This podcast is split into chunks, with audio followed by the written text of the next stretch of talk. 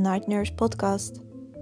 Open dagboekverhalen over het leven en overleven. Reis mee door vragen, door de donkerste nachten en het levenslicht.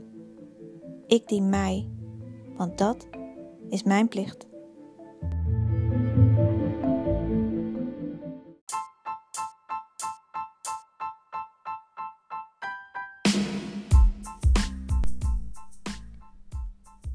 Niemand ziet wat er speelt achter jullie voordeur. Hoe kom je hier als gezin doorheen? Van overleven naar leven. Een proces van jaren. Een proces van vallen en opstaan. Een proces van vele tranen en weer een glimlach.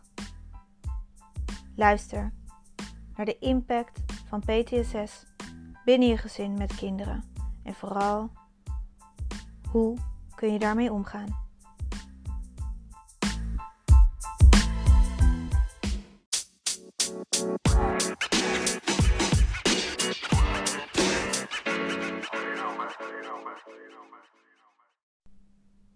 Welkom bij een vervolg op de podcast over omgaan met trauma's. En in het bijzonder vandaag omgaan met PTSS binnen je gezin met kinderen. En zoals ik eerder zei, dit thema gaat me aan mijn hart. Ik heb van dichtbij meegemaakt, gezien, doorvoeld wat de impact van PTSS in je gezin kan doen.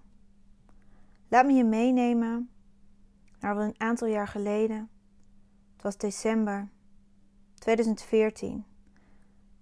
Een donkere nacht koude avond, niet wetende wat de volgende ochtend zou brengen. Als donderslag bij heldere hemel werden mijn man en ik geconfronteerd met de explosie van PTSS in het dagelijks leven.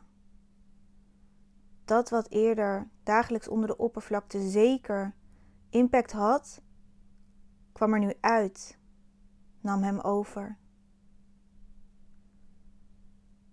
En het gebeurde die avond op de parkeerplaats, hier naast ons huis. Ik kwam nog een beetje bezweet terug van de sportschool. De kinderen waren gelukkig uit logeren. En mijn man, die zat nog in een auto op de parkeerplaats. Er was een harde flits en een knal.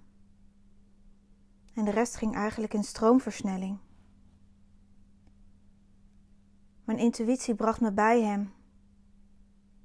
Maar ik trof daar niet mijn man in het hier en nu. Ik trof daar een militair die in strijd was. In strijd met zichzelf en in beleving qua geur, kleur, alles wat hij voelde en zag, weer in Afghanistan zat. Psychose noemen ze dat ook wel. Op dat moment ben ik gelukkig in staat geweest om te gaan handelen. Achteraf pas beseffende wat er eigenlijk allemaal gebeurd is. En de opvolgende jaren waren vallen en opstaan. En terugkijkend kunnen we beide zien wat het ons ook gebracht heeft. Maar geloof me, in heat of the moment is het leven gewoon echt kloten. Pijnlijk, rauw, confronterend.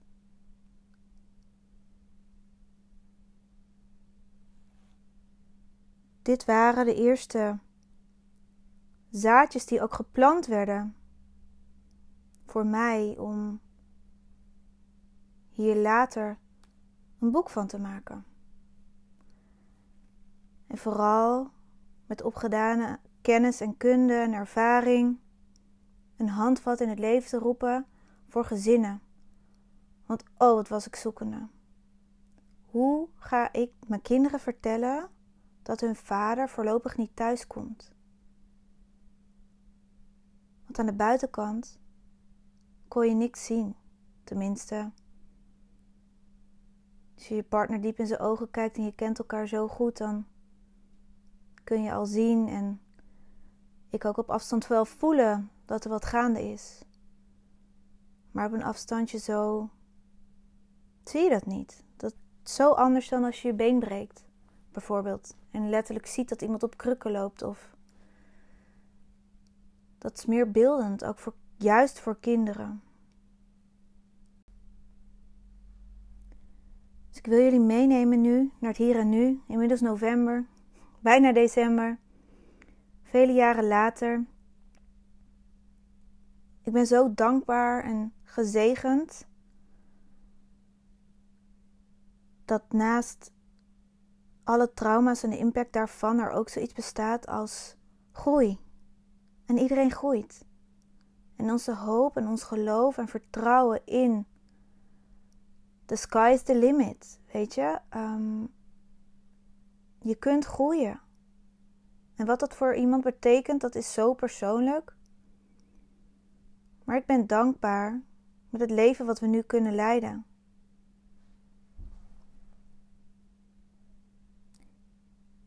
Ik wil graag het voorwoord uit het boek voor jullie voordragen. En het gaat als volgt. Het gaat over het boek Papa's Paraplu. Omgaan met PTSS binnen een gezin met kinderen. Met illustraties van Henk Wijnands. Grote dank daarvoor. Beste ouders. Gedachten als: wat zeg ik nu tegen de kinderen? Hoe leg ik uit dat papa of mama PTSS heeft? En hoe komen we hier als gezin doorheen? Van overleven naar leven. Een proces van jaren. Een proces van vallen en opstaan. Een proces van vele tranen en gelukkig ook weer een glimlach. Ik was zelf militair verpleegkundige en heb tijdens deze baan veel geleerd over PTSS als partner van een gerespecteerd veteraan met PTSS ging er toch echt een hele nieuwe en onbekende wereld voor me open. Als ouders van jonge kinderen hebben we samen ervaren dat het in contact blijven met elkaar zo belangrijk is. En ja, je raakt elkaar af en toe toch echt even kwijt. De kunst is het weer vinden van elkaar en er voor elkaar zijn om uiteindelijk de verbinding weer te kunnen versterken. Deze gezinsuitdaging raakt elk gezinslid. Je ontkomt er niet aan en je kunt je kinderen ook niet ontzien van alles. Je hebt wel invloed op hoe je hiermee omgaat. Je moet weer leren mogelijkheden te zien tussen alle problemen door. En dit boek is ontstaan vanuit de behoefte aan tools om het gesprek met jonge kinderen aan te kunnen gaan.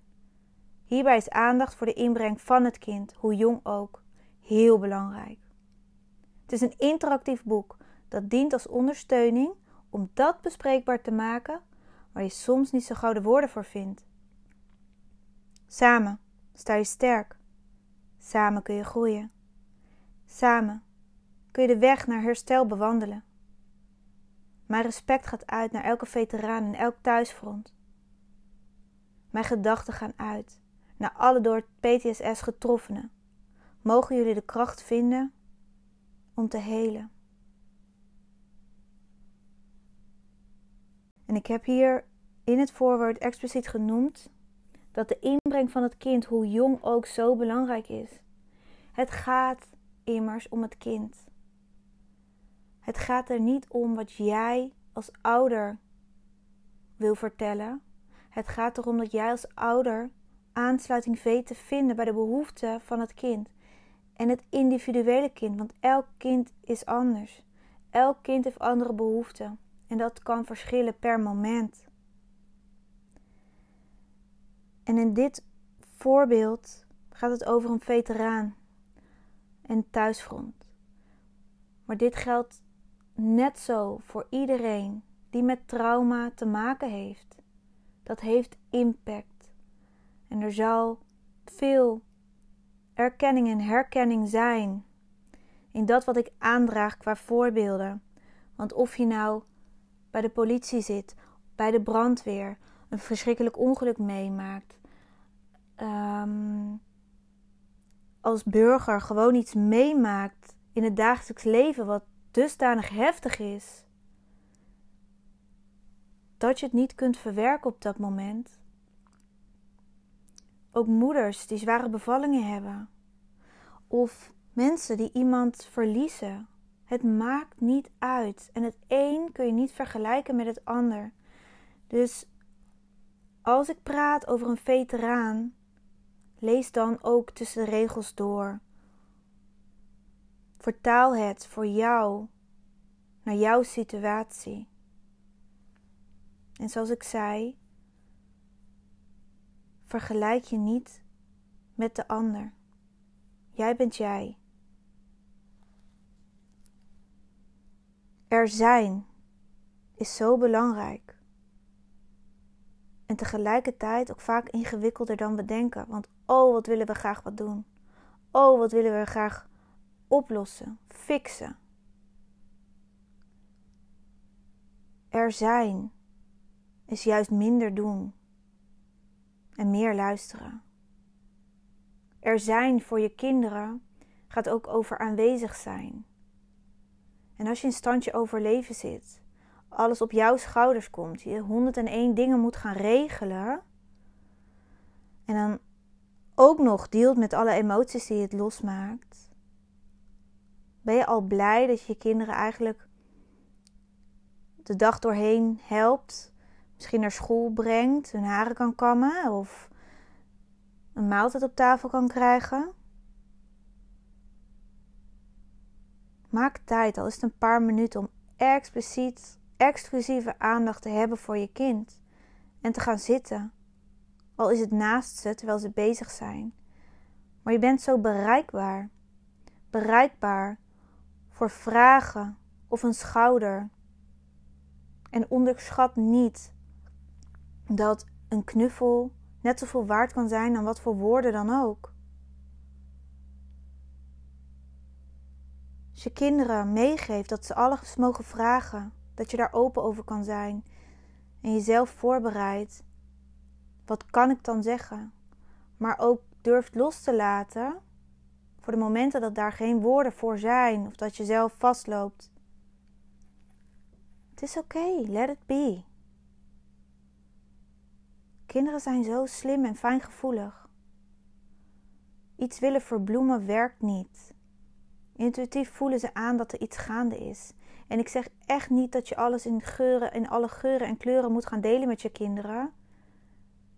Want kinderen horen niet belast te worden met grote mensenproblemen. Tegelijkertijd zijn het mensen, net als jij en ik, die recht hebben om heel menswaardig en gelijk behandeld te worden. En voor mij betekent dat vertalen wat voor hun past. Binnen wat zij kunnen begrijpen binnen de leeftijd waarin ze zich bevinden. Want je praat ook anders met een tweejarige dan met een kind van tien. Of met een tiener die bijna uitvliegt van de middelbare school. Of misschien uitvliegt uit het ouderlijk huis. Voor de een maak je Jip en Janneke taal, voor de ander spreek je meer in beeldende taal. En er zijn ook kinderen die meer gebaat zijn bij muziek. Expressie kent vele vormen. En in het boek wat ik geschreven heb, probeer ik ruimte te creëren om ook zonder woorden je wel te kunnen uiten. Want voor kinderen is het zo belangrijk dat ze zich wel kunnen uiten. Zij hebben zoveel emoties en een verandering op zich al, als een van de ouders niet meer aanwezig is terwijl die normaal wel aanwezig was, die verandering op zich al doet iets met een kind. En elk kind vertaalt dat zich in hun eigen hoofd en eigen lijfje weer op een eigen manier. En de ene die kan het iets beter relativeren en de ander maakt er zijn eigen verhaal van. Emoties die er mogen zijn, kunnen bewegen kunnen aangekeken worden, kunnen ruimte krijgen om losgelaten te kunnen worden. En dat alles in een golfbeweging. En hoe fijn is het dat je daar je kind in kan steunen, door ernaast te staan. Net als dat je leert gaandeweg hoe je naast je partner kan staan. In plaats van alles voor je partner willen doen. Of de hulpverlener te gaan uithangen. Nou, ik weet er alles van. Maar daarover een andere podcast. Dus ik nodig je uit om niet alleen tijd te gaan nemen voor jezelf, maar ook tijd te nemen voor je kind. En weet dat, dat praten, verbaal, niet per se nodig is. Soms wel handig is om wat woorden te kunnen vinden. Maar ga ook tekenen. Ga dansen. Kijk wat jouw kind van nature fijn vindt om te doen en doe dat. En het ene kind vindt wel fijn om naast je te komen zitten en even te kletsen. Doe dat dan ook. Maar als een ander kind het veel fijner vindt om even iets te bespreken, en dat kan soms gewoon twee zinnen zijn, terwijl die buiten bezig is, doe dat dan. En het is ook zo mooi hoe flexibel kinderen zijn. Daar kunnen wij zoveel van leren. Als kinderen een prangende vraag hebben en, en, en die mogen stellen, en je geeft daar puur en eerlijk, wel aangepast, misschien in je Janneke taal, antwoord op. Ik, ik vergeet nooit dat, vooral bij mijn zoontje, die toen nog heel klein was, en naarmate die groter werd, steeds meer verbaal ook kon vragen. Vragen waar ik dan zelf uren over nadacht. En hij stelde ze en, en een antwoord gewoon recht uit mijn hart was dan voldoende. En dan een reactie krijgen met oké en door. en ging gewoon weer verder met spelen. Dat ik dan stond te kijken naar hem en dacht: oh wauw, ja maar dit is het. En achteraf gezien weet ik, oh maar dit zijn momenten waar ik zaadjes heb geplant. Dit antwoord was voor nu precies voldoende gedoseerd voor hem om soms dagen later op terug te komen en nog een vraag te stellen had ze verwerkingstijd nodig. En mijn dochter daarentegen, die ging daar ook weer op haar heel eigen manier mee om. Die zei soms dagen niks en had dan ineens behoefte om, om bijna uren achter elkaar te kletsen. En vooral fysiek te knuffelen, te weten, oh mama is er voor me. Dus ga met die kinderen mee in hun belevingswereld. Betreed de magie van jullie eigen speelveld. Ga ontdekken wat jullie speelveld is.